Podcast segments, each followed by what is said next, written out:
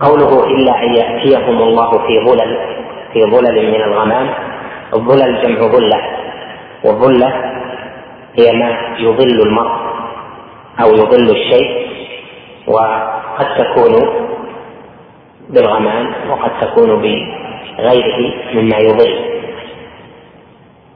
يظل من الإظلال بالضاء. لهذا قال بعدها من الغمام. والغمام هو السحاب الأبيض الرقيق ناصع البياض الخفيف الجميل وهذا يسبق نزول الله جل وعلا للفصل بين العباد فصل القضاء يوم القيامة. هل ينظرون إلا أن يأتيهم الله في ظلل في ظلل من الغمام؟ وهذا كما قال جل وعلا في آية الفرقان ويوم تشقق السماء بالغمام ونزل الملائكة تنزيلا. قوله والملائكة الملائكة ينزلون أيضا ويكونون صفوفا كما دلت عليها آية الفجر وجاء ربك والملك صفا صفا. ويكونون صفوفا هل يحيطون بأهل المحشر؟ أو صفوفا يحيطون بالأرض من أطرافها؟ فهذا فيه قولان. والأظهر أنهم يحيطون بأهل المحشر من الجن والإنس وذلك بحسب ما يكونون عليه من الأرض. والملائكة تنزل وتشبق بالناس والجن تشبق بالإنس والجن وتكون من ورائهم صفوفا صفا بعد صف.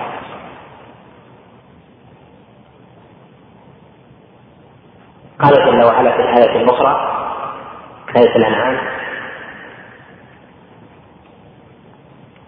هل ينظرون إلا إلا أن تأتيهم الملائكة أو يأتي ربك؟ هل ينظرون إلا أن تأتيهم الملائكة؟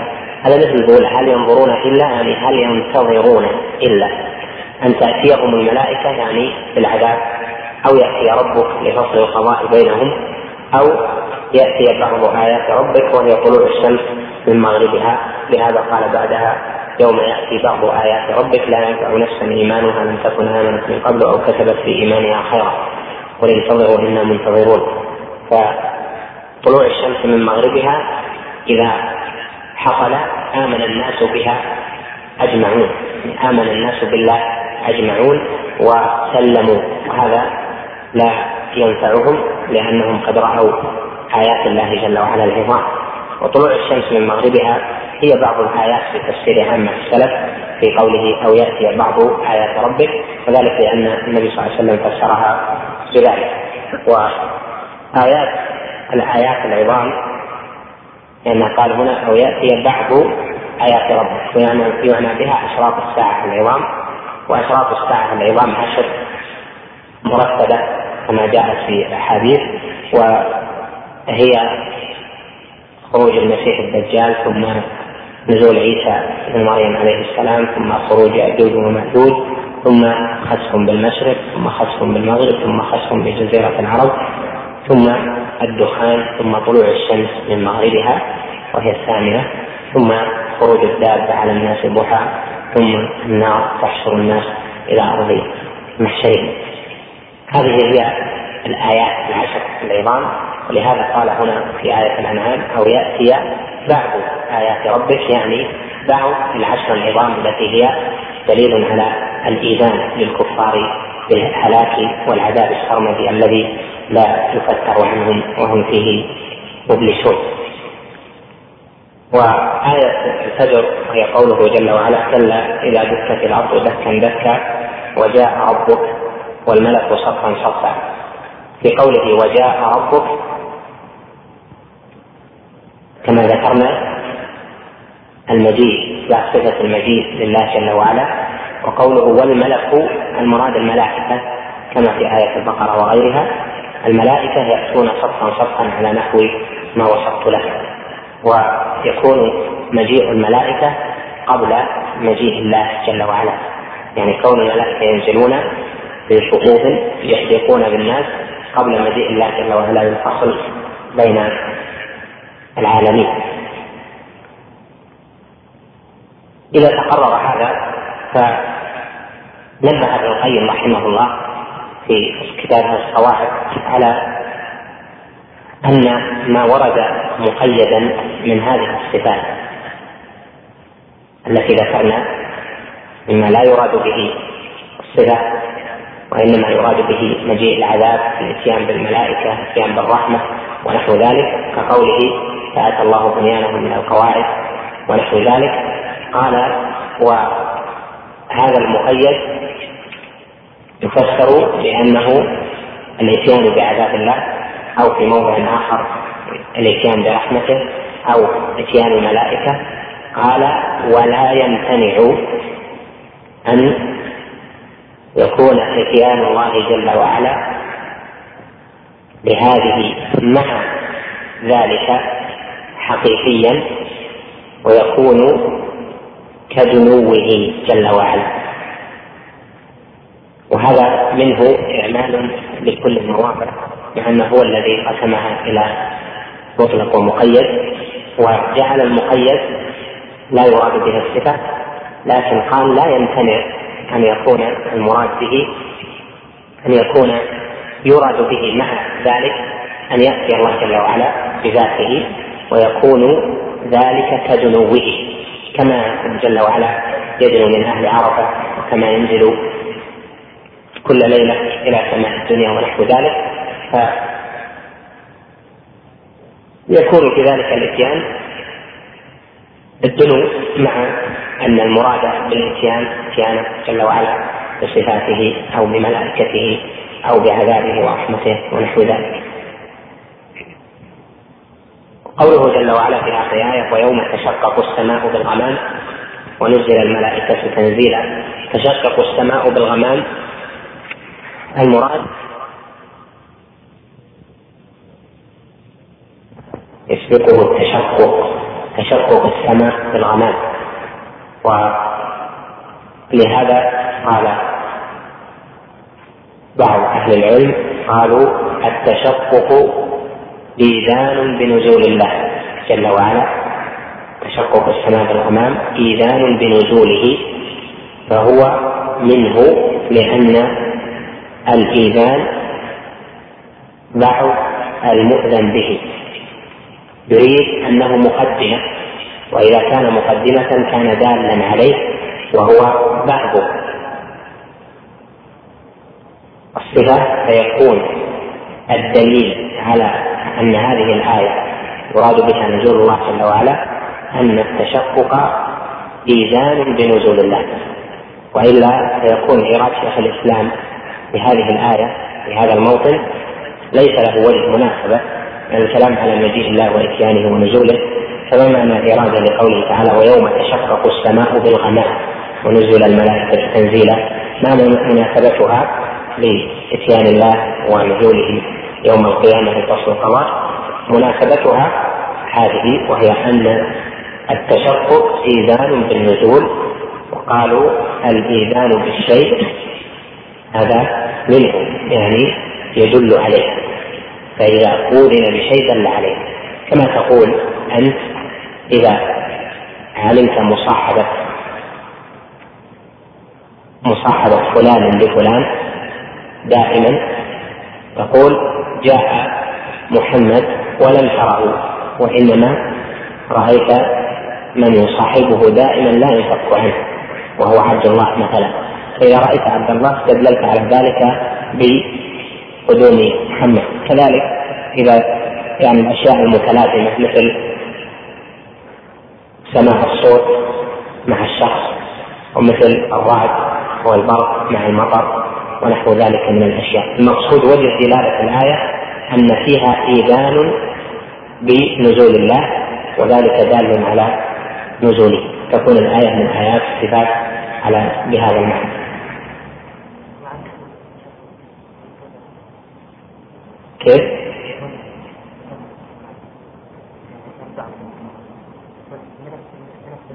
لا ما ليس من كيف؟ يعني من صفة الله؟ لا ليس من صفة الله لكن هو يعني بسبب الإتيان من صفة الإتيان.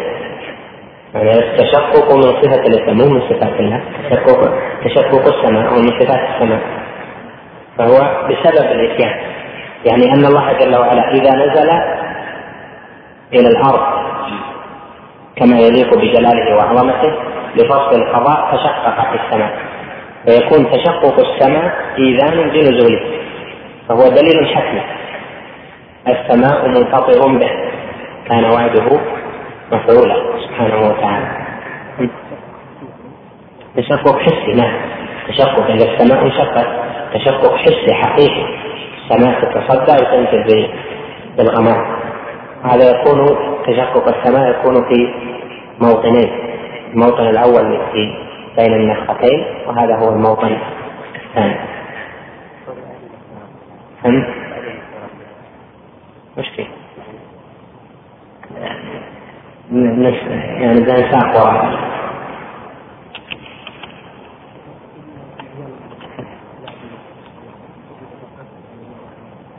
لا لا تشقق هذا لنزول الأخير نزول لفصل القضاء أما نزول الله جل وعلا إلى السماء الدنيا كل ليلة أو نزوله عشية عرفة فهذا كله ليس معه تشقق من هذا اتيان هذا نزول يعني بعض الأسئلة يكون ما لها علاقة بالموضوع.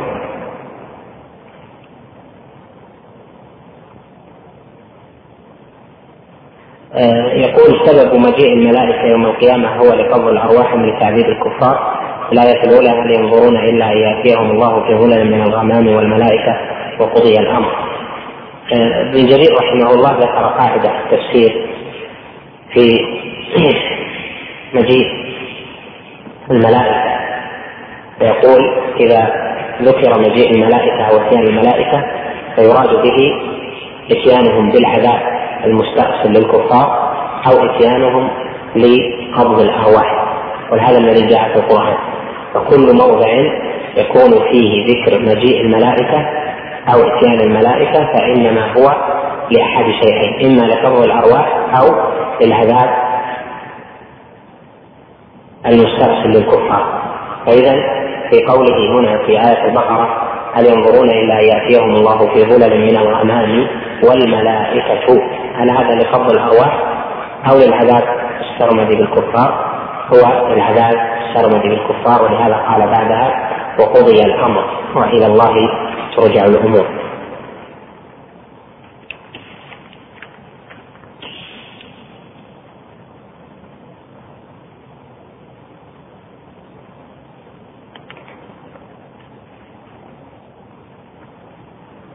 يقول هنا كيف يوفق بين قوله ويوم تشقق السماء بالغمام؟ وقوله يوم نطوي السماء كطي السجل للكتب. وهذا في موطن وهذا في موطن. طي السماء كطي السجل للكتب. هذا قبل بين النفختين. فإذا انشقت السماء فكانت وردة كالدهان. يعني أن أحوال السماء والأرض مختلفة. فالتشقق والطي ونحو ذلك هذا يكون يكون بين النفختين. لأنها تتغير السماء.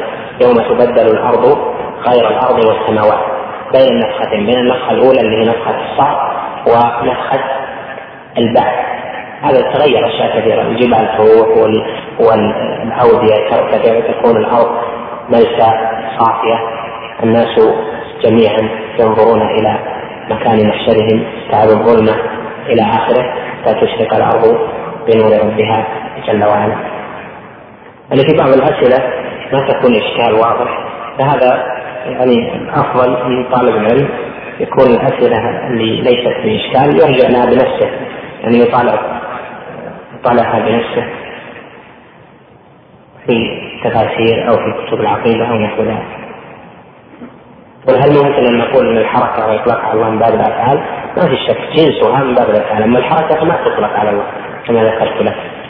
جنسها من باب الأفعال.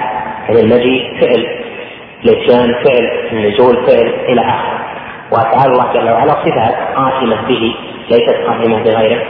كما ذكرنا لكم قاعدة ذلك إلى اخره ما معنى قول الله تعالى في الحديث القدسي؟ إني إذا اطيعت رضيت وإذا رضيت باركت وليس لبركتي نهاية. وإذا عصيت وإذا عصيت سخطت وإذا سخطت لعنت. ولعنتي تبلغ السابعه من الولد وما ذنب ذريته. والله سبحانه يقول ولا تزر وازرة وزر أخرى أولا هذا ليس بحديث قدسي هذا في الآثار الإلهية يعني في آثار بني إسرائيل.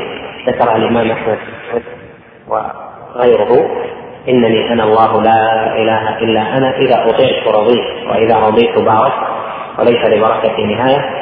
وإنني أنا الله لا إله إلا أنا إذا رصيت غضبت وإذا غضبت لعنت. وإن لعنتي تبلغ السابعة من الولد. قل ما ذنب ذريته؟ الحديث طبعا ليس بحديث قدسي وإنما هو من أخبار بني إسرائيل وإذا كان كذلك فليس فيه إشكال ما حكم الحلف بصفات الله؟ مثل قول القائل يا غضب الله. طبعا السائل واضح إنه ما هو فاهم يعني الفرق بين الحلف والنداء. آه، الحلف بالصفات جائز بالإجماع. فتحلف تقول وكلام الله وقدرة الله ومجيء الله وسمع الله وبصر الله هذا وتقول بسمع الله كان كذا وببصر الله كان كذا وبكلام الله كان كذا هذا جائز بالإجماع لأن صفات الله جل وعلا غير مخلوقة والذي يمتنع الحلف بالمخلوق اما تمثيله بقوله مثل قول القائل يا غضب الله.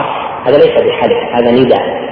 ونداء الصفة لا يجوز وهو محرم بل قال شيخ الإسلام في رده على البكري في أوائله قال نداء الصفة كفر بالإجماع.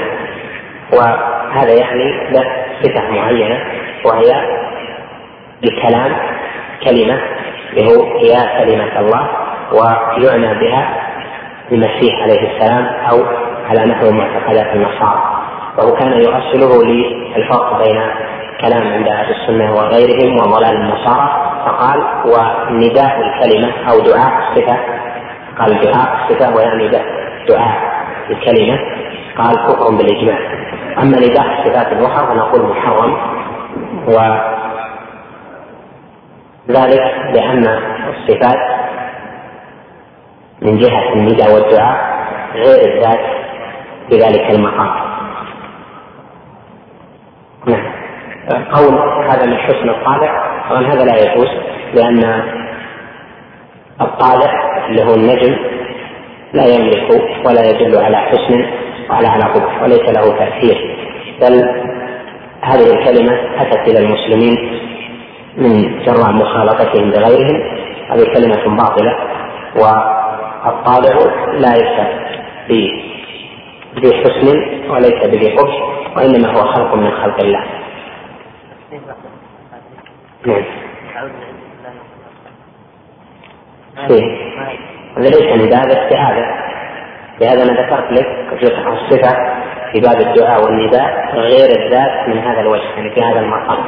أما الاستعاذة فتستعيذ بالله جل وعلا وبصفاته. والاستعاذة من جنس القسم.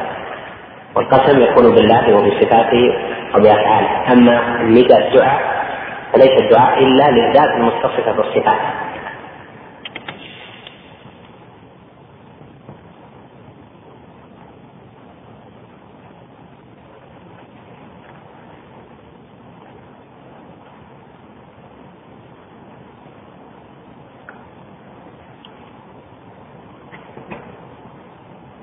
يقول ذكرت إن الهرولة صفة وهي صفة لم ترد إلا في حديث واحد إذا إيش؟ إذا جاءني يمشي اتيته هرولة ومن المعلوم أن العبد لا يمشي إلى الله وإن المراد وإنما المراد به التقرب إليه فليس المراد ظاهرة فوجب أن يكون معنى الهرولة على خلاف ظاهر دلالة السياق قد ذكر هذا بعض أهل العلم كما قولكم في هذا الكلام. طبعا أهل السنة في الهرولة الأصل فيها أن تثبت لله جل وعلا فهي من جنس بعض الصفات. هذا قول عامة أهل السنة.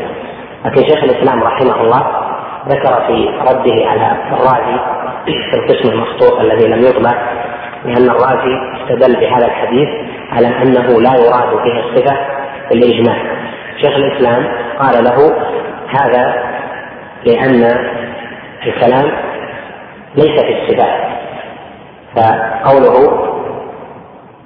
جل وعلا لن تقرب إلي شبرا تقربت إليه ذراعا قال معلوم أن التقرب لا يكون من العبد إلى الله لا يكون بالمساحة يعني ما يكون بالأمتار ما يكون بقطع شيء إلى الذات. وعليه يكون مقابله ليس كذلك. كذلك قوله ومن تقرب إلي براء تقربت منه بعد معلوم أن التقرب الأول الذي يحصل من العبد لا يكون بالمساحة. قال وكذلك ما رتب عليه وهو تقرب الله جل وعلا من العبد به قال وكذلك قوله من أتاني يمشي اتيته هروله معلوم أن العبد لا يأتي الله جل وعلا ماشيا يعني إلى ذات الله بالمساحة. وإنما يكون إتيانه إلى طاعة الله أو حركة روحه إلى الله جل وعلا وقرب روحه من الله جل وعلا فيكون أتيته هروله بمقابلة ذلك. هذا الكلام منه من شيخ الإسلام تفصيلي يخالف بعض الكلام الذي أورده في بعض المواضع في الفتاوى على هذه الصفة من جهة أنه أثبت أصل التقرب طبعا والقرب من الله جل وعلا عاما بما يشمل التقرب بالقرب بالذات والقرب بالصفات. وعليه فيمكن أن يقال إن كلام شيخ الإسلام رحمه الله إما لأنه في مقام المناظرة في مقام الرد أو أنه لشيخ الإسلام رحمه الله قول غير ما حصل في الفتاوى. وفي الفتاوى لم يذكر نص الهرولة فيما وقفت عليه فنقول له قول في هذا يخالف عموميات أقواله وهو أن لا تكون الهرولة من صفات الله جل وعلا. وذلك يقول لأن السياق يدل على أنه لم يرد الصفات من أتاني يمشي أتيته هرولة لم يرد الأول وهو أن العبد يأتي إلى الله ماشيا فإذا الثاني غير مراد. هذا كلام شيخ الإسلام. في شرحه في رده على الرازي وكلام فيه نوع إشكال. والمقصود أن عامه أهل السنة يثبتون الهرولة ووقفت على كلام عثمان بن سعيد رحمه الله في رده على بشر المريسي يقول فيه وقد أجمعنا أو اتفقنا وإياكم على إثبات صفة الهرولة وهو من النقول القديمة عن السلف في إثبات هذه الصفة.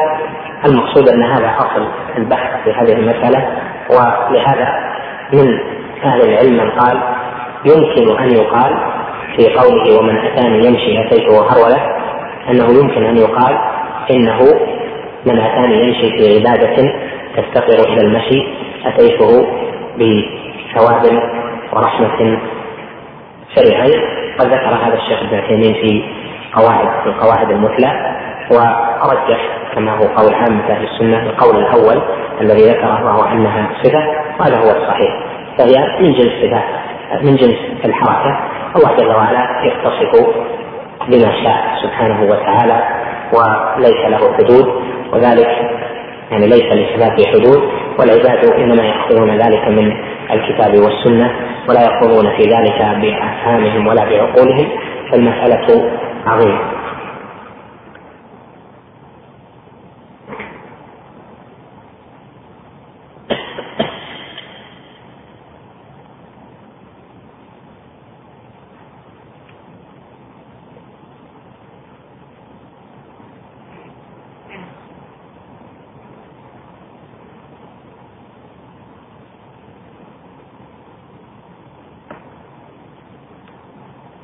هذا سؤال نرجع الجواب عنه لأن السؤال جيد. إن شاء الله نشوف الجواب عنه بإذن الله. نكتفي بهذا القدر. صلى الله وسلم على نبينا أما الآن فنترككم مع مجلس آخر من هذا الشرح. قال شيخ الإسلام ابن تيمية رحمه الله تعالى وقوله ويبقى وجه ربك ذي الجلال والإكرام وقوله كل شيء هالك إلا وجهه وقوله ما منعك أن تسجد بما خلقت بيدي بيدي وقوله وقالت اليهود يد الله مغلولة غلت أيديهم ولعنوا بما قالوا فيداه مبسوطتان ينفق كيف يشاء. وقوله واصبر لحكم ربك. واصبر لحكم ربك فإنك واصبر لحكم ربك فإنك بأعيننا وقوله وحملناه على ذات ألواح تجري تجري بأعيننا جزاء لمن كان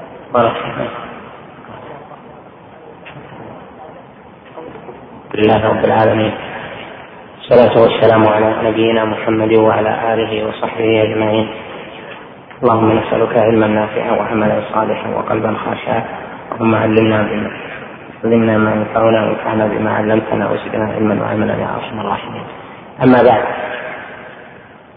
فهذه الآيات فيها ذكر صفتين من صفات الله جل وعلا.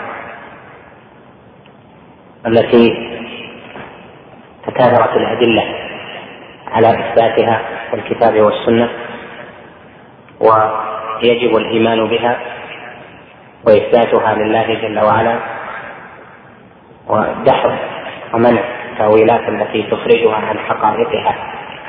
مع نفي الكيفية ونفي التمثيل والمشابهة بين صفات الله جل وعلا وصفات خلقه.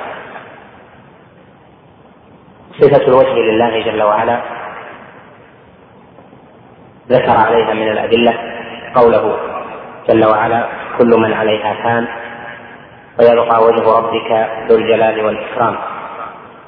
وذكر قوله كل شيء هالك إلا وجهه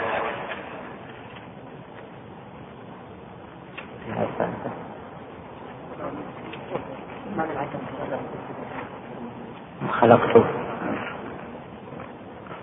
ثم ذكر صفة اليد لله جل وعلا وذكر جملة من الأدلة على إثباتها مما سيأتي.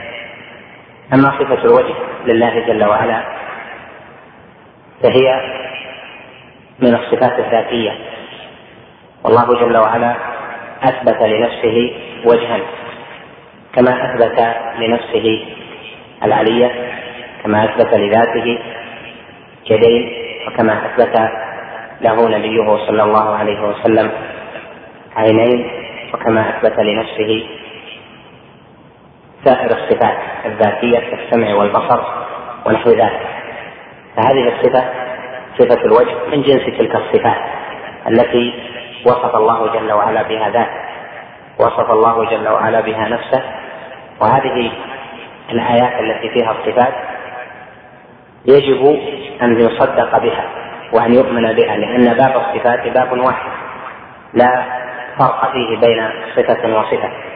كما أننا نثبت صفة السمع وصفة البصر وصفة الكلام صفه الحياة صفه الإرادة إلى آخر تلك الصفات التي يثبتها المبتدعه ويثبتها أهل السنة. نثبت أيضا الصفات الذاتية صفة الوجه وصفة اليدين وصفة وغير ذلك من الصفات.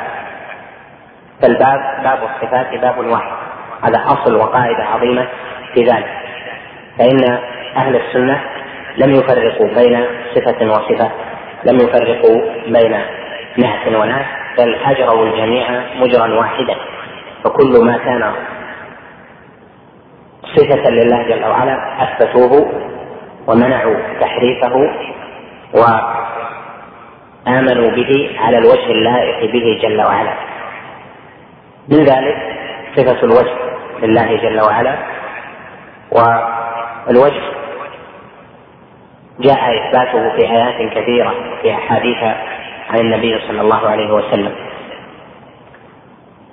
منها قوله جل وعلا كل من عليها فان ويبقى وجه ربك ذو الجلال والإكرام فقوله ويبقى وجه ربك فيه إثبات صفة الوجه لأنه أضاف الوجه إلى الرب جل وعلا ثم نعته نعت الوجه بقوله ذو الجلال والإكرام. كذلك قوله جل وعلا كل شيء هالك إلا وجهه. هنا أضاف الوجه الذي هو صفة أضافه لنفسه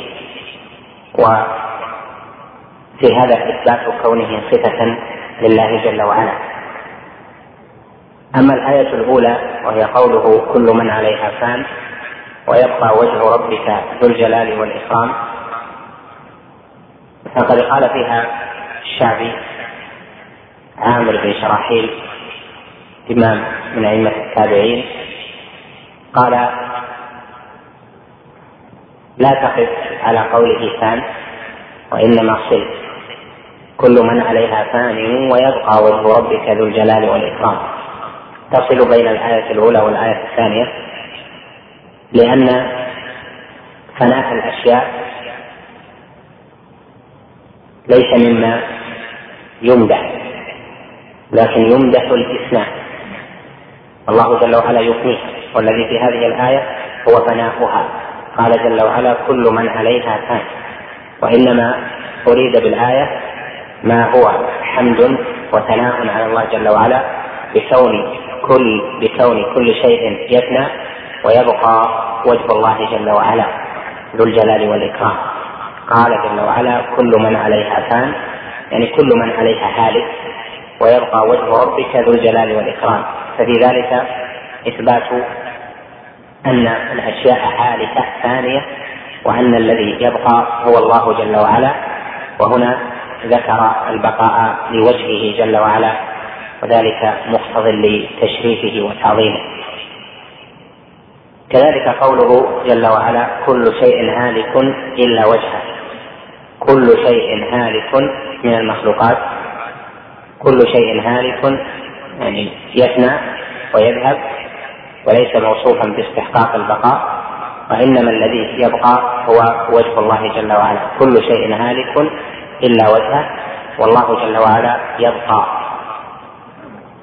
كما جاء في آية في سورة فاطر آية في سورة غافر. قال جل وعلا لمن الملك اليوم؟ لله الواحد القهار بعد أن يفني كل شيء. فيقول لمن الملك اليوم؟ ثم يجيب جل وعلا نفسه العظيمة بقوله لله الواحد القهار. إذا تبين لك ذلك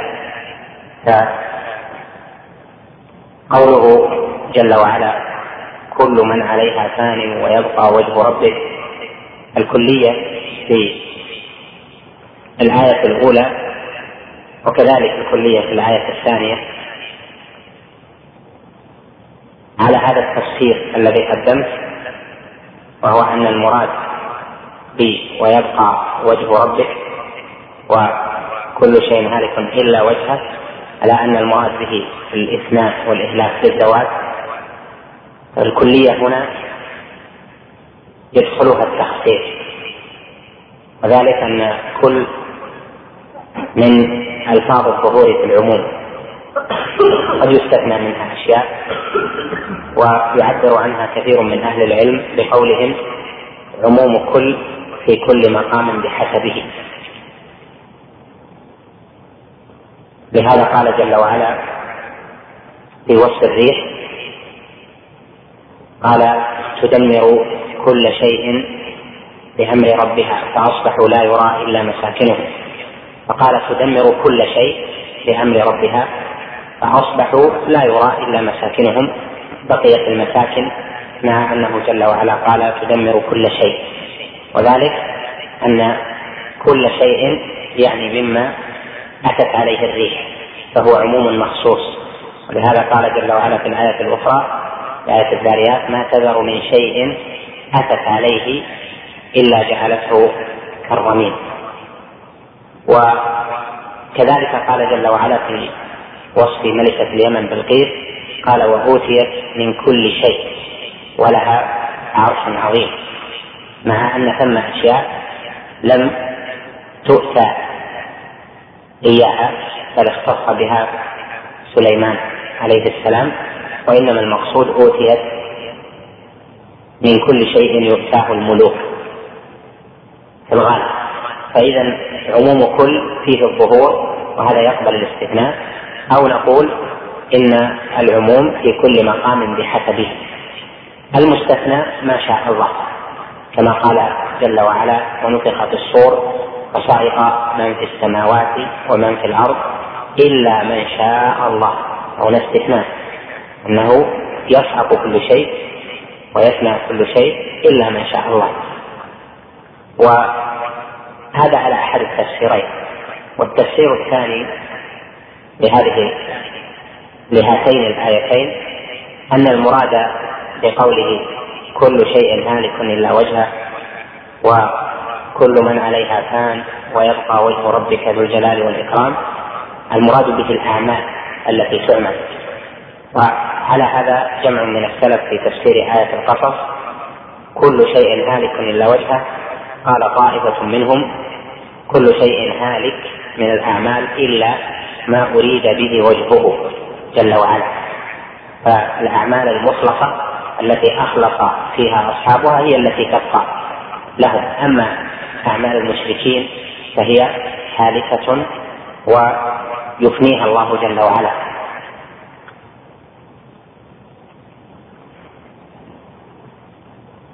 كما قال والذين كفروا أعمالهم كرماد اشتدت به الريح. وقال الذين كفروا أعمالهم كسراب بقيعة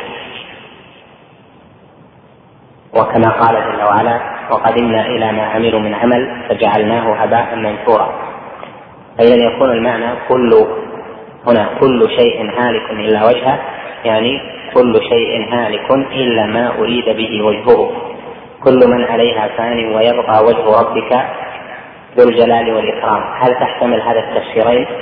هذا فيه فيه نظر ومنهم من جعل هذه الآية مثل آية القصص كل من عليها فان يعني من الأعمال لكن هذا ليس بوجيه لمجيء من فيها وقوله ويبقى وجه ربك ذو الجلال والإكرام. لكن منهم من جعلها من جنس آية القصص. لكن آية القصص فيها نص من السلف على أن على أنهم فسروها يعني طائفة منهم فسروها بأن المراد كل شيء هالك إلا ما أريد به وجهه. إذا تقرر ذلك فما معنى كون البقاء لوجه الله والأشياء تهلك إلا وجه الله؟ ما فائدة تخصيص هنا بقوله ويبقى وجه ربك هذا استفاد منه. أولا بقاء بقاء الله جل وعلا. لأنه إذا بقي صفة من صفات الله الذاتية فالله جل وعلا باق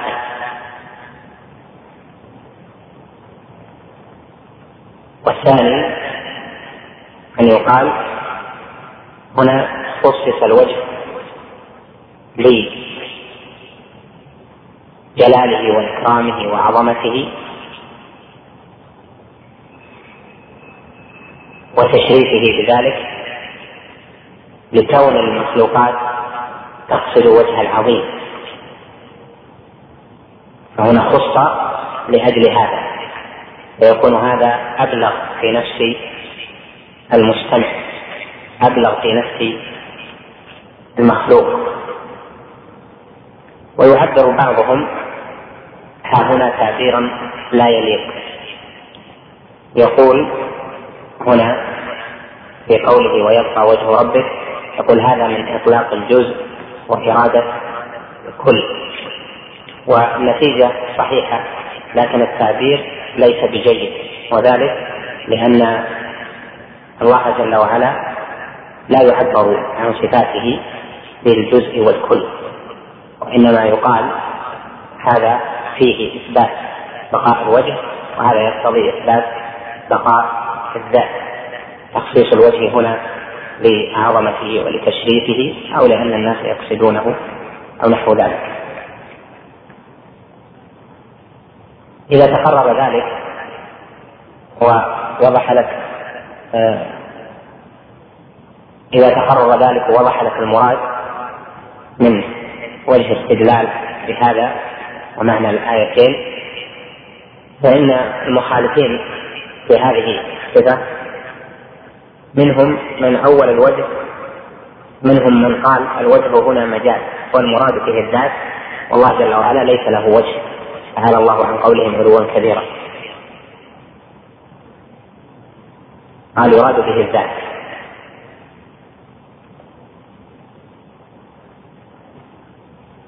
ومنهم من قال الوجه يراد به ثواب. يعني ويبقى ثواب ربك.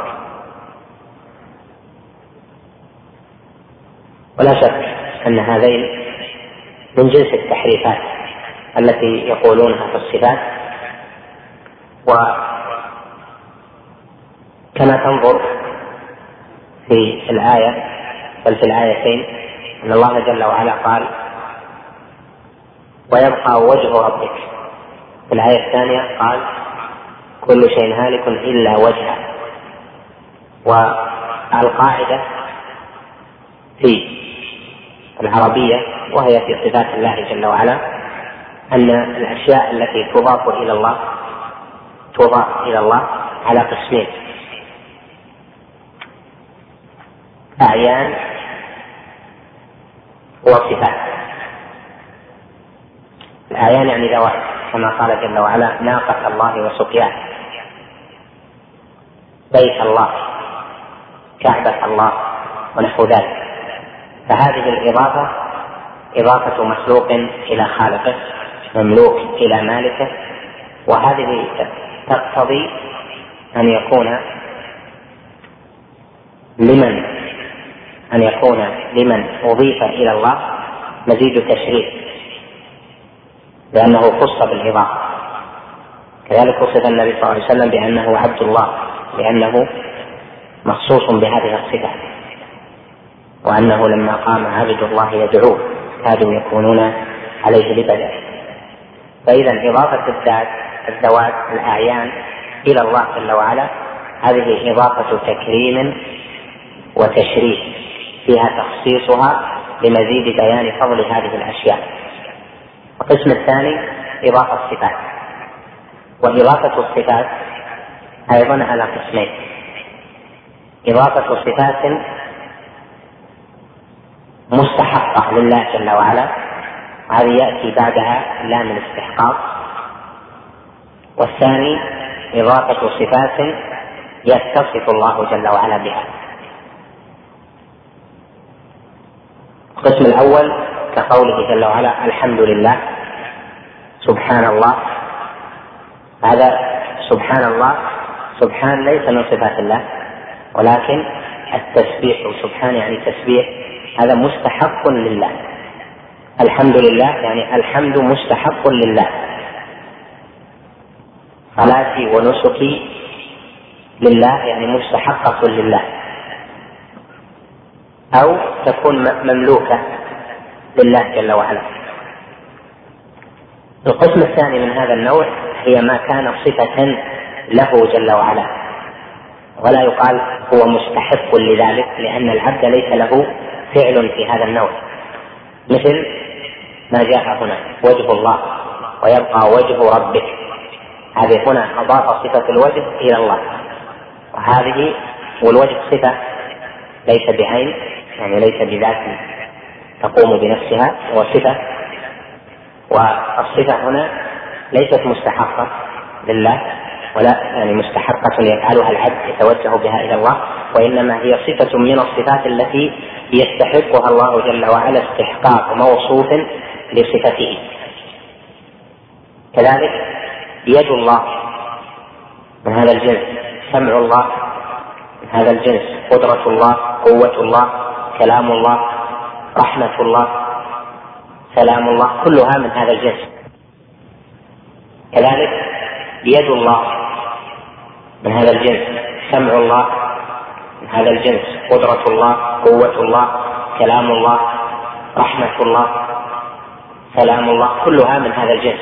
فإذا هي إضافة صفات إلى متصف بها. وإذا كان كذلك فهذا الذي في هذه الآيات وفي غيرها في هذا الباب فالإضافة تقتضي رد قول من أول أو قال إن في الآية مجاز أنهم قالوا كل من عليها فان ويبقى وجه ربك قالوا يعني ويبقى ربك. والوجه هذا المراد به الذات ويبقى ذات ربك أو ويبقى ثواب ربك ونحو ذلك. نقول هنا الوجه صفة من صفات الله جل وعلا لأنه أولا أضافه إلى نفسه وهو منطبق على ما ذكرنا من القاعدة. ثانيا أن قوله ويبقى وجه ربك ذو الجلال والإكرام هنا نعت الوجه بأنه ذو الجلال والإكرام. فقال وجه ربك ذو الجلال فذو نعت للوجه. ولو أراد أن النعت للرب جل وعلا لقال ذي الجلال والإكرام. كما جاء في آخر السورة سورة الرحمن حيث قال جل وعلا تبارك اسم ربك ذي الجلال والإكرام. وذلك أن الجلال والإكرام للرب جل وعلا لا لاسمه لأن أسماء الله منقسمة كما سيأتي. هنا قال ويبقى وجه ربك ذو الجلال والإكرام. فإذا الجلال والإكرام هاتان صفتان لوجه الله جل وعلا. ذو الجلال الله وجه الله ذو الجلال وهو ذو الإكرام.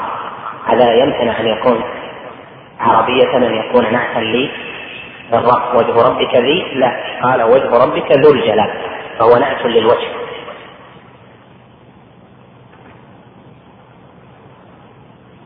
وهذا ظاهر واضح من حيث العربية من حيث القواعد والصفات. من المنتسبين للأشاعرة أو الذين جروا على طريقتهم وإن كانوا أخف طبقات الأشاعرة. منهم من يفرق في الصفات بين صفات الذات وصفات الفعل مثل الخطابي والبيهقي. البيهقي أو له تأويلات من جنس الأشاعرة لكنه هو والخطابي ومن على شاكلتهم أخف الأشاعرة لأنهم لم يتابعوهم في كل أصولهم وإنما في الصفات حرفوا على مقتضى على أصولهم مثل ما جعلهم شيخ الإسلام في خط طبقات الأشاعرة أو الذين تأثروا بالأشاعرة. البيهقي مثلا في الأسماء والصفات يفرق. الصفات الذاتية عنده يقول تثبت. صفات الفعلية أو. ما تؤول بالفعل يقول لا تثبت. يميز بين البيهقي في كتاب الأسماء والصفات بقوله باب باب الوجه لله باب اليدين لله أو باب إثبات الوجه لله باب إثبات اليدين لله. وأما الأخرى فيقول باب ما جاء في الإصبع باب ما جاء في النزول باب ما جاء في كذا. يفرق بين هذه وهذه. فيثبت البعض ويخالف في إثبات الأخريات والجواب أنه الباب باب واحد. فكل من أثبت بعضا ونفى بعضا فهو متناقض بما فرق فيه. قوله جل وعلا هنا ويبقى وجه ربك ذو الجلال والإكرام. ذو بمعنى صاحب صاحب الجلال يعني من موصوف بالجلال والإكرام. فإذا الجلال والإكرام هذا صفة للوجه وهو صفة لله جل وعلا كما في آخر السورة تبارك اسم ربك ذي الجلال والإكرام. والجلال الجلال هو التعظيم والهيبة. وأسماء الله جل وعلا وصفاته منقسمة إلى قسمين. لأحد الاعتبارات صفات جلال وأسماء جلال وصفات جمال وأسماء جمال.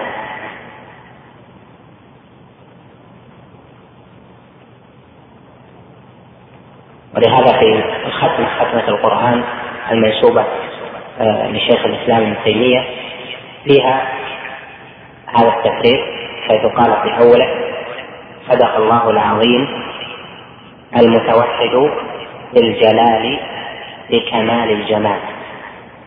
و هذه من الألفاظ التي أشعرت كثيرا من أهل العلم بصحة نسبة تلك الختمة لشيخ الإسلام ابن تيمية. المقصود أن صفات الله وأسماء الله جل وعلا منقسمة إلى جلال وجمال.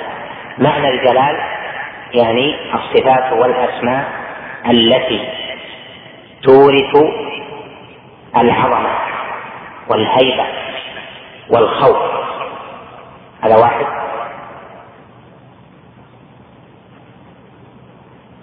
مثل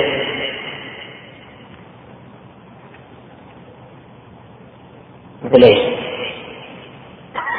القوي العزيز جبار قهار قدير إلى آخر هذه الصفات. والأسماء. صفات وأسماء الجمال هذه هي التي ينبعث عنها المحبة والرغبه فكل صفة ينشأ عنها المحبة يقال لها صفة جمال. فمن صفات الله جل وعلا أنه جميل. هذه من صفات الجمال. الله جل وعلا هو الرحمن الرحيم. هذه من صفات الجمال. السلام من صفات الجمال. المؤمن المودود الودود ونحو ذلك.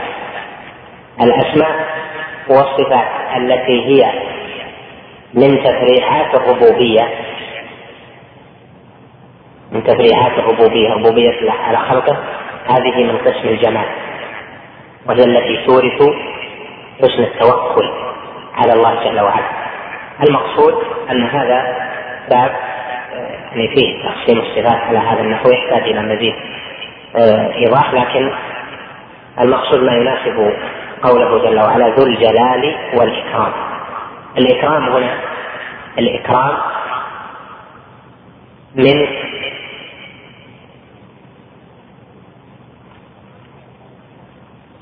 من الكريم أو من الكرامة وقد ذكرنا لكم فيما مضى أن الكريم والكرامة في اللغة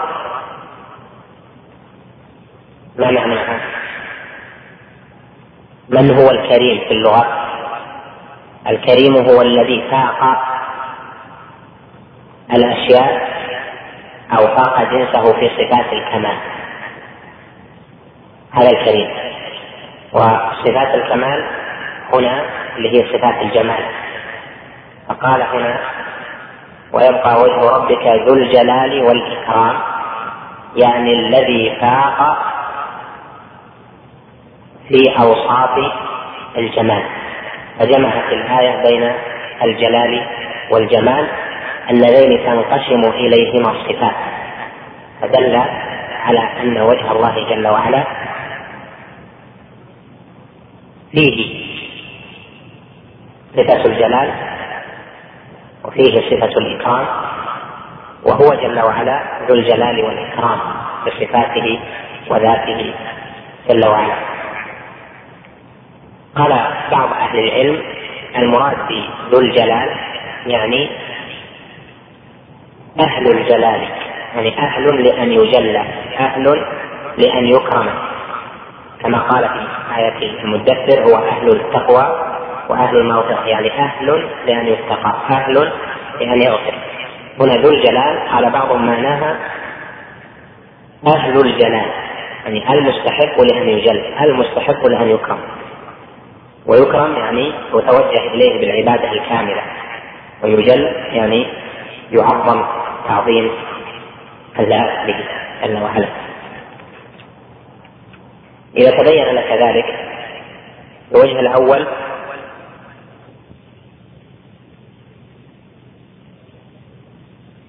أن يجلى ويكرم جل وعلا. ومن قال إنه يقال هو المستحق للإجلال المستحق للإكرام فإن معنى ذلك أنه يوهم أن الأول منفي وذلك لأن الصفة صفة الجلال والإكرام أثبتت لله جل وعلا فلا يريد أن يثبتها للوجه الخصوصي لكن هذا ليس بسديد لما ذكرت. هذا بعض ما يتصل ب الكلام على هاتين الآيتين. فالواجب إذا الإيمان بنصوص الصفات والتسليم بها وإثبات ما أثبت الله جل وعلا لنفسه عدم الخوف في ذلك بما يصرفها عن حقائقها اللائقة به جل وعلا. فالباب باب الصفات باب واحد. فمن فرق فيه بين صفة وصفة فقد عطل وتناقض. ثم القسم الثاني من الآيات متصل باثبات صفه اليد لله جل وعلا. قال جل وعلا قال شيخ الإسلام رحمه الله وقوله ما منعك أن تسجد لما خلقت بيدك.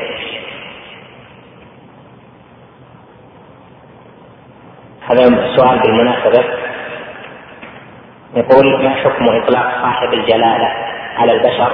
يعني يطلق على صاحب منصب كملك أو أمير؟ أرجو التوضيح. سئل هذا السؤال الشيخ الإمام محمد بن إبراهيم رحمه الله فقال لا بأس لأن له جلالة تناسبه. وقد وصف ابن عباس وجماعة بأنهم ذو جلالة. فصاحب الجلالة يعني الذي له جلالة تناسبه. فالاشتراك هنا بأن الجلالة آه، يعني يريد أنها يمنع منها إطلاقها على البشر هذا ليس بصحيح مثل ما أطلق الله على من يملك في الدنيا بأنه الملك وقال الملك وهو جل وعلا الملك. الجلالة منفصلة. جلالة معناها ما يورث ما يعني وصف يقتضي هيبته. يعني هو ذو المهابة بالتعظيم. وله تعظيم ومهابة تناسب.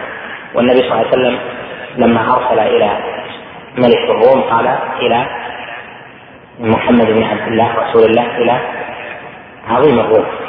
يعني فله عظمة تناسب. فإذا العظمة والجلالة هيبة لكل أحد بما يناسبه وليست هي من الصفات المختصة. وجواب الشيخ محمد بن إبراهيم رحمه الله حينما سئل عن ذلك قال لا بأس لأن له جلالة تناسبه. مثل الرحمة تناسب المخلوق الملك يناسب المخلوق إلى السمع يناسب المخلوق إلى آخره. عطنا الآيات الأخرى اللي بعدها. طيب. الجملة الثانية من الآيات فيها إثبات صفة اليدين لله جل وعلا. قال سبحانه لإبليس ما منعك أن تسجد لما خلقت بيدي مثنى اليد يدي مثنى يد.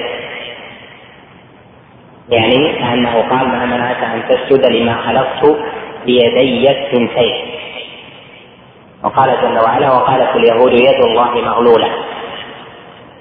غلت أيديهم ولعنوا بما قالوا بل يداه مبسوطتان ينفق كيف يشاء. اليهود قالوا يد الله مغلولة يعني مكفوفة عن الإنفاق. قال جل وعلا بل يداه يعني الثنتان مبسوطتان ينفق كيف يشاء. وهذه الآيات وغيرها فيها إثبات صفة اليد لله جل وعلا. ومن الأدلة على إثباتها أن الله جل وعلا وصف نفسه بأنه ذو يدين. والمتأولة قالوا اليد بمعنى القدرة أو اليد بمعنى النعمة. وهذا القول لا يناسبه عند ذوي العقول أن يكون مثنى لأن القدرة والنعمة جنس. وأما قوله لما خلقت بيدي فلا يناسبه أن تكون بقدرتين أو بنعمتين. ولهذا الدارمي في رده على بشر المريسي من أوجه الرد قال وأي قدرتين؟ أي قدرتين اراد هذا من لا شك أنه من الباطل أن يقال أن هذا بمعنى القدرتين لأن القدرة واحدة. ولما لما القدرتان بخصوصهما؟ وأي القدرتين اللتين أراد؟ أي النعمتين؟ ونحو ذلك. فإذا هذا كله فيه اثبات الصفه صفة اليد لله جل وعلا. والنصوص التي جاء فيها إثبات صفة اليد لله جل وعلا جاءت على ثلاثة أنحاء. منها إثبات صفة اليد مفرده كقوله وقالت اليهود يد الله مغلولة. ومنها إثبات صفة اليد اليدين مثنى كقوله جل وعلا لما خلقت بيديه كقوله بل يداه مبسوطتان. ومنها أن تكون مجموعة كما قال جل وعلا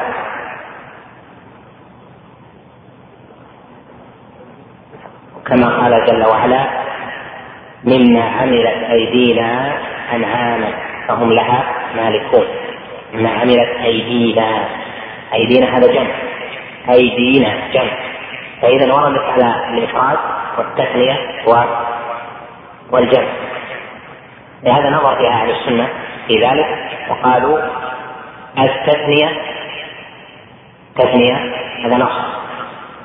والجمع أيدينا لا يمنع التثنية. والإفراد لا يمنع التثنية. ذلك أن الإفراد للجنس فمن له أكثر من شيء قد يطلق مفردا وذلك لإرادة الجنس أما الجمع هذا مثل مثل صفة العين قولي تجري بأعيننا ونحو ذلك فإن الجمع له قاعدة في اللغة قاعدة في النحو وذلك أن المثنى المثنى إذا أضيف إلى ضمير تثنية أو ضمير جمع فإنه يجوز فيه أن يجمع يعني المثنى تخفيفا وهذا أفصح ويجوز فيه أن يبقى على تثنيته وهذا أقل في الاستعمال. يعني أقول أنا أقول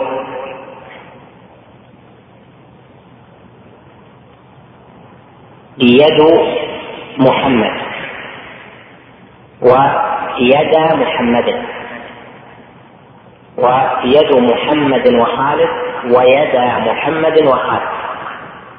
ثم أقول يد محمد وخالد ويداهما. هذا ضمير تثنية.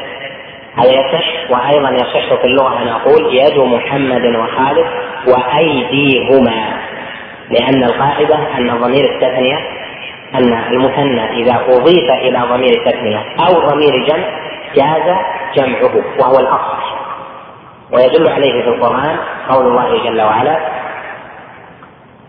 في سورة التحريم إن تتوبا إلى الله فقد صغت قلوبكما فخاطب جل وعلا عائشة وحفصة بقوله إن تتوبا إلى الله وعائشة لها قلب واحد وحفصة لها قلب واحد والمجموع قلبه.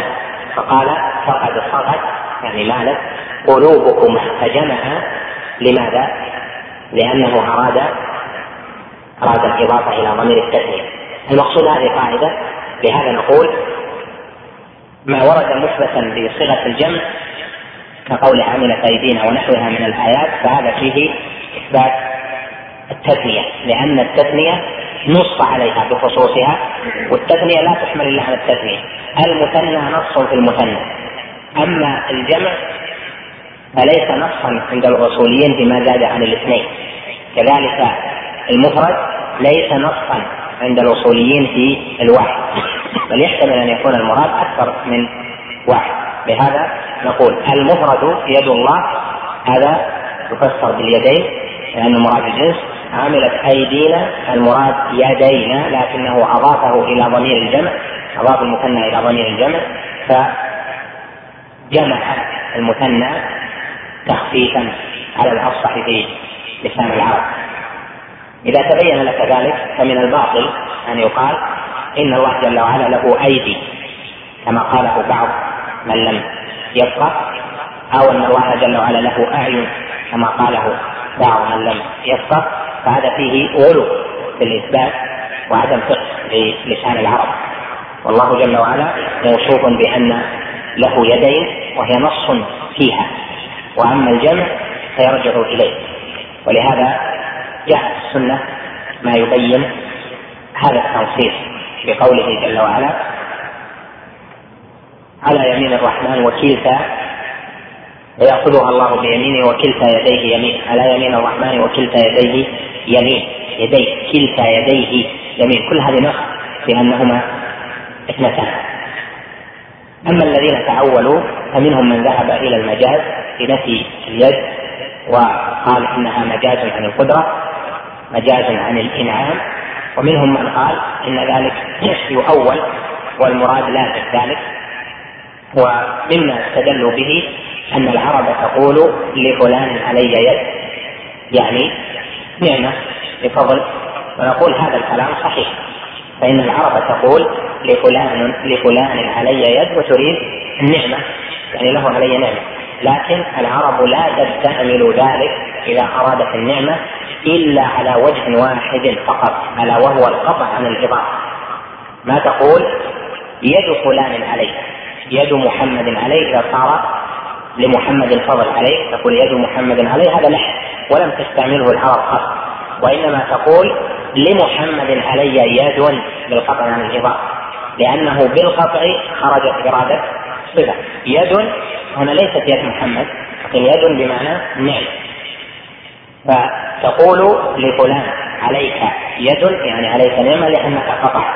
ولا يجوز أن تقول يد محمد عليه بمعنى نعمة محمد عليه فإذا استعمال يد بمعنى النعمة صحيح في لسان العرب والشواهد عليه معروفة ولكن هذا جاء على نحو واحد وهو أن يقطع عن الإضافة.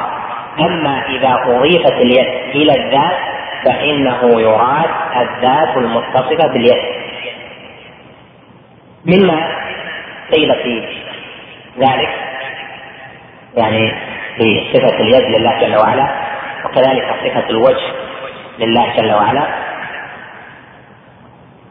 مما اعترض به على أهل السنة ولكن اعتراض باطل هو أن الله جل وعلا قال في الوجه قال فأينما تولوا فثم وجه الله إن الله واسع عليم. شيخ الإسلام لما اعترض عليه بذلك حيث قال لما جاءت المناظرة الواسطية قال أتحداكم وأمهلكم ثلاث سنين. لو ظفر واحد منكم يعني من العلماء اللي حوله آه، لو ظفر واحد منكم بآية في الصفات تحولها تحولها السلف فقالوا أرجعنا يوما واحدا. فلما أتى من غزه قالوا ظفرنا بذلك. قال أظنكم تريدون قوله جل وعلا فأينما تولوا فثم وجه الله. قالوا نعم. قال هذا معناه الوجهة. فأينما تولوا فثم وجهة الله يعني فثم القبلة. وليس هذا من نصوص الصفات. يعني قصد قصده من ذلك النصوص التي هي ظاهرة في الصفات. ومثله مثل هذا في قوله جل وعلا في اليد قال والسماء بنيناها بأيد وإنا لموسعون. بنيناها بأيد قال قالوا هنا معنى أي يعني القوة وأي هذه أصلها أيدي. لكن لما جرت هنا حذفت الياء. يعني وأصل أصلها والسماء بنيناها بأيدي. هكذا قالوا. والجواب أن هذا ليس بصحيح. وذلك أن الأيد في لغة العرب الأيد بمعنى القوة. وليس ثم علاقة بين الأيد واليد وذلك أن الهمزة في أي أصلية. أي الهمزة فيها أصلية. عاد يعود أيدا والأيد القوة ولها معاني أخرى فالهمزة هنا ليست للجمع ولكنها همزة أصلية في الكلمة. هذا لأجل أن معناها القوة. فإذا هذه الآية والسماء بنيناها بأيد ليست هنا جمع يد يعني والسماء بنيناها بقوة. وإنا لموسعون.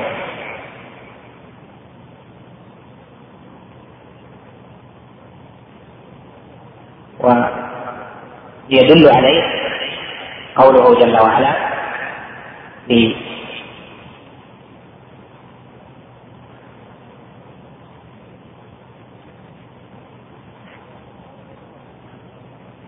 سورة صاد واذكر عبدنا داود ذا الأيد. إنه أواب.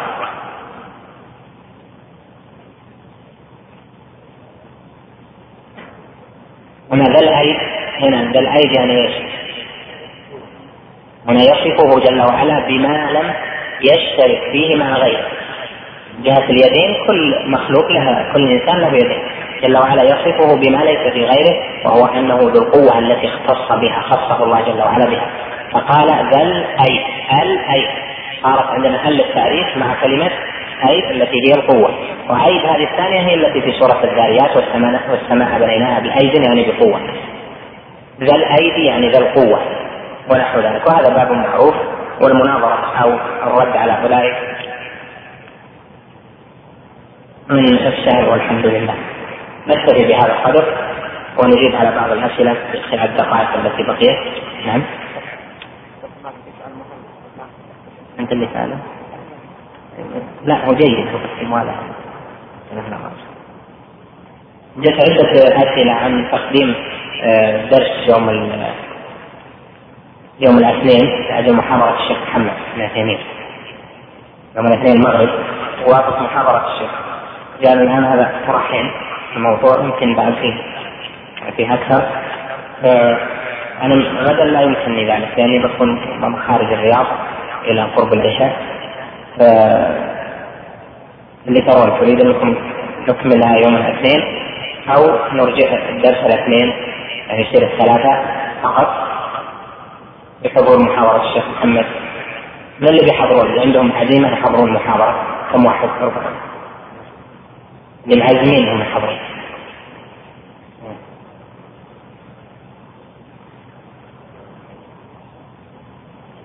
طيب إذا لأجل محاورة الشيخ نجعل الدرس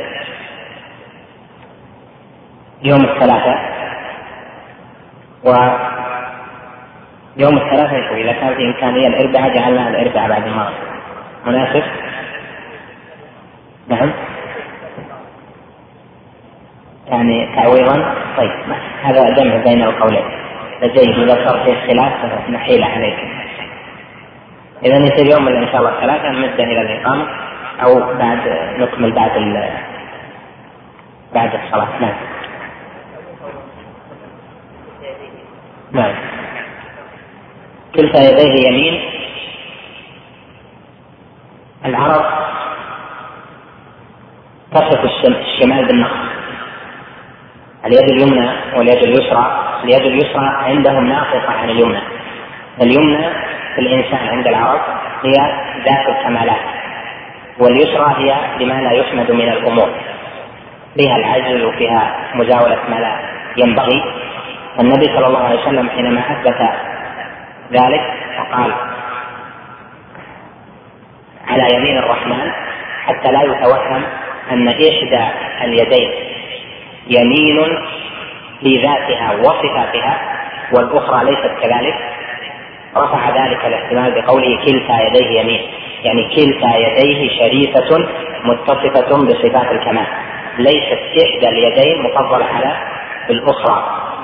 ثم هنا بحث هل توصف الثانية بالشمال؟ لأنها شمال أم لا؟ هذا فيه بحث معروف يأتي إن شاء الله في موضع. هو متصل حقيقة باليدين لكن يحتاج إلى شيء من التفصيل. في ذلك كتاب عبد الرحمن حبنة يسأل عن أسس العقيدة الإسلامية. ما تحتاج إلى كتب المعاصرين الآن طالب علم تقرأ كتب السلف. كتب المعاصرين الذين لا يبينون عقيدة أهل السنة قصدا ويوضحونها. ما تحتاج. العقيدة خاصة العقيدة هي يعني حتى تضبط عقائد السلف بتفصيلاتها ثم بعد ذلك يمكن أن تقرأ في بعض الكتب في ذلك. هذا الكتاب من جنس كتب الشيخ عبد الرحمن حبنة الميداني. هو عنده ميل إلى الأشعرية أو تصريح بها في مواضع. وله كتاب اسمه ضوابط المعرفة. كتاب فلسفي. يعني المعرفة هي عند الفلاسفة هذا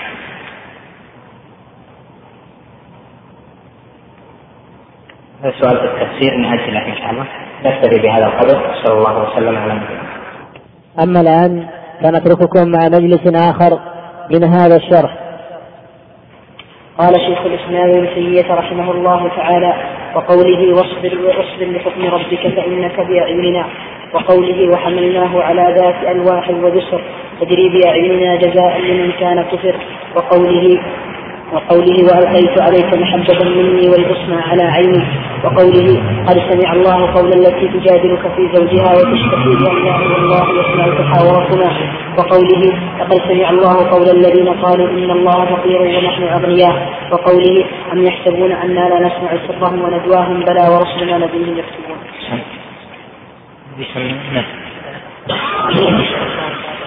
بسم الله الرحمن الرحيم الحمد لله رب العالمين والصلاة والسلام على نبينا محمد وعلى آله وصحبه أجمعين.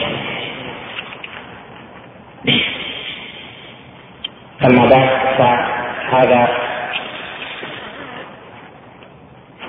درس آخر الدروس قبل الحج ومعنا يوم الاثنين إن شاء الله في الواسطية. ويوم الثلاثة ليس فيه يوم الاثنين في الزاد يوم الثلاثة ليس فيه درس ونقف إن شاء الله إلى أول أسبوع من الدراسة.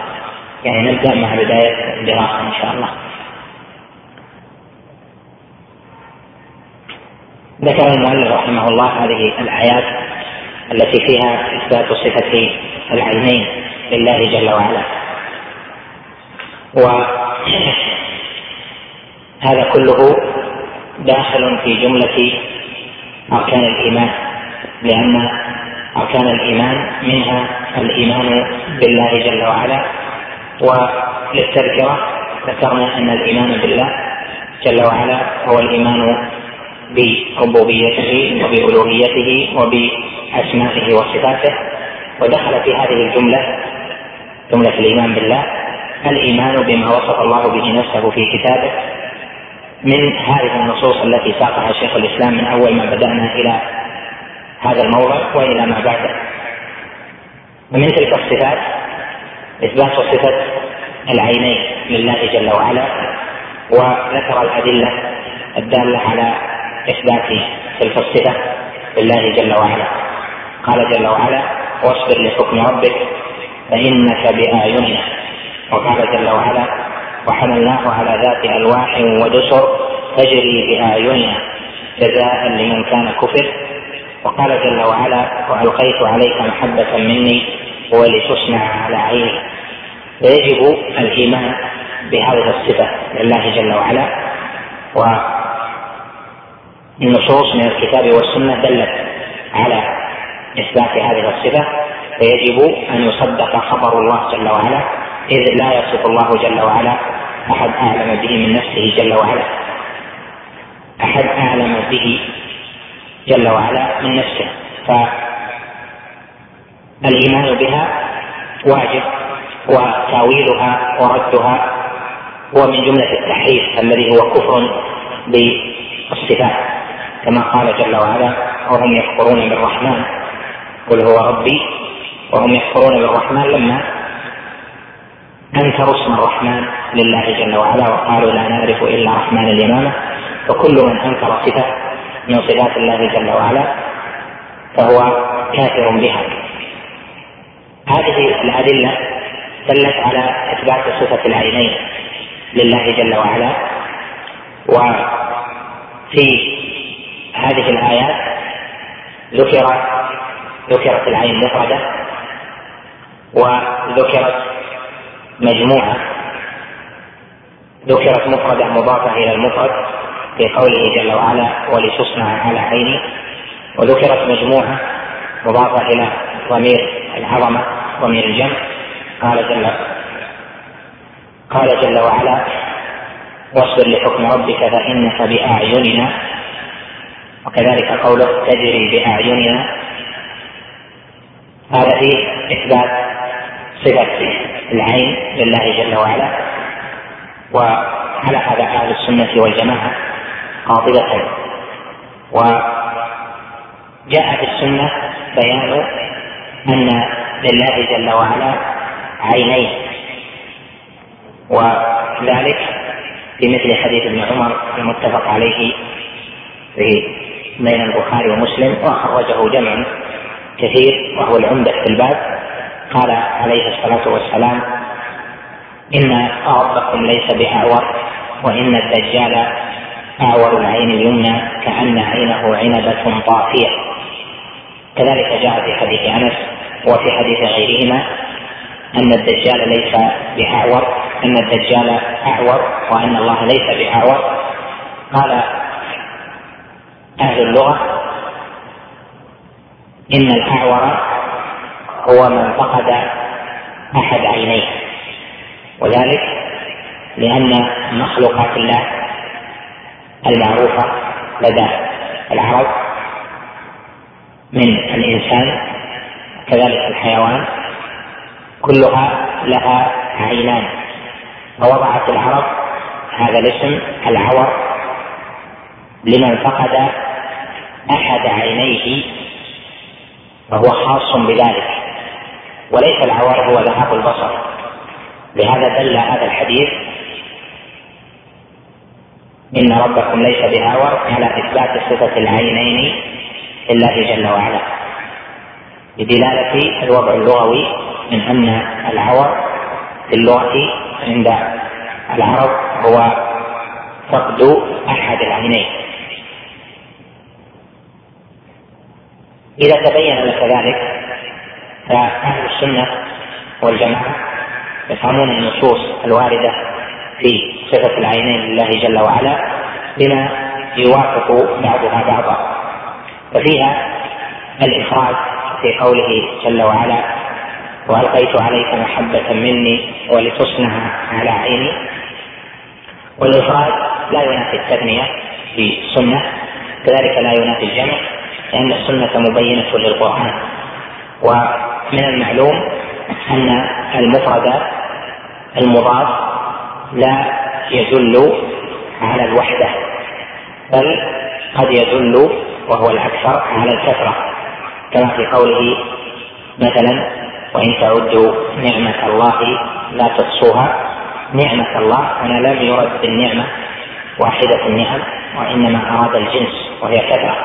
وهذا متقرر في العربية أن المفرد إذا أضيف فإنه يفيد أنه قد يفيد الكثرة وهو الغالب وقد يفيد الوحدة كما تقول هذا كتاب فلان يعني كتاب واحد وقد يفيد الكثرة ولذلك هنا الإفراد لا ينافي الجمع الذي جاء في الآيتين الأخريين اللتين ساقهما شيخ الإسلام ولا ينافي التثنية التي جاءت في الحديث. وذلك لأن المفرد يدل على أكثر من الواحد إذا أضيف. يعني قد يدل على أكثر من الواحد إذا أضيف كذلك قوله جل وعلا واصبر لحكم ربك فإنك بأعيننا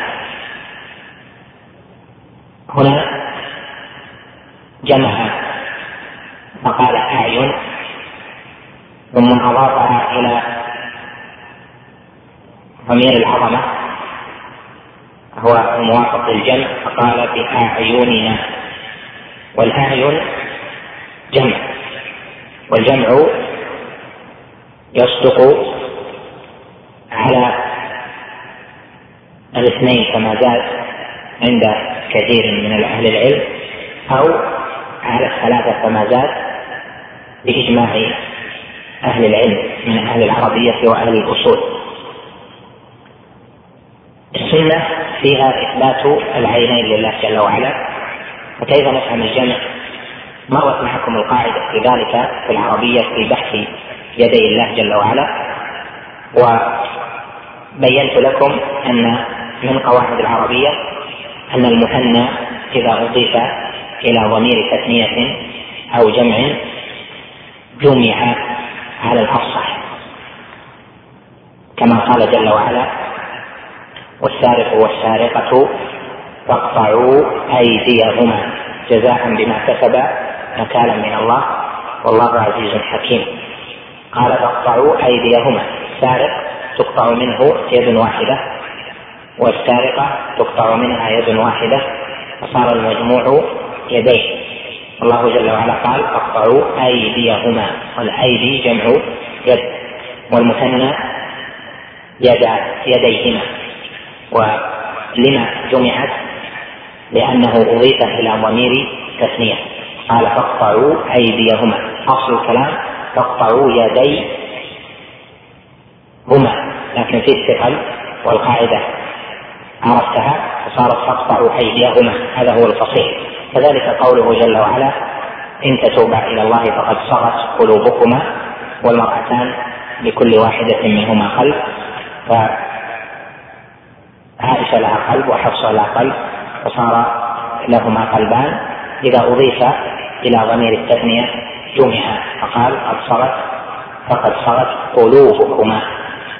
وهكذا النصوص التي جاءت في اليدين أو جاءت في العينين لله جل وعلا هي على هذا الأصل. قال جل وعلا واصبر لحكم ربك فإنك بأعيننا. هنا الأعين يعني العينين. ليس لله جل وعلا أكثر من عينين بل له عينان جل وعلا. هذا معتقد أهل السنة لدلالة السنة على ذلك وموافقتها اللسان العربي الشريف. كذلك الآية الثانية قال وحملناه على ذات ألواح ودسر تجري بأعيننا. وجمع لأن المثنى أضيف إلى ضمير لا ضمير جمع. يعني ضمير جمع. قال بأعيننا فجمع المثنى لأن المثنى أضيف إلى ضمير جمع فجعل المثنى جمعا للتناسب كما جاء في القاعدة. إذا تبين لك ذلك وأن الإيمان بأن الله جل وعلا متصف بأن له عينين جل وعلا فهما صفتان ذاتيتان من صفات الذات إثبات صفة العين لله جل وعلا وأن له جل وعلا عينين هذه من صفات الذات التي لا تنفك عنه جل وعلا مثل الوجه واليدين وغيرها من الصفات. هذا معتقد أهل السنة والجماعة. أما المعطلة معطلة الصفات فالمعتزلة ينفون صفة البصر لله جل وعلا وينفون صفة العين والعينين لله جل وعلا. فعندهم أن الله جل وعلا ليس له عين وليس له بصر جل وعلا. والأشاعرة تناقضوا فأثبتوا صفة البصر لدلالة العقل على ذلك ونفوا صفة العينين لله جل وعلا. وأهل السنة أعملوا النصوص فأثبتوا البصر لله جل وعلا وأثبتوا العينين لله جل وعلا.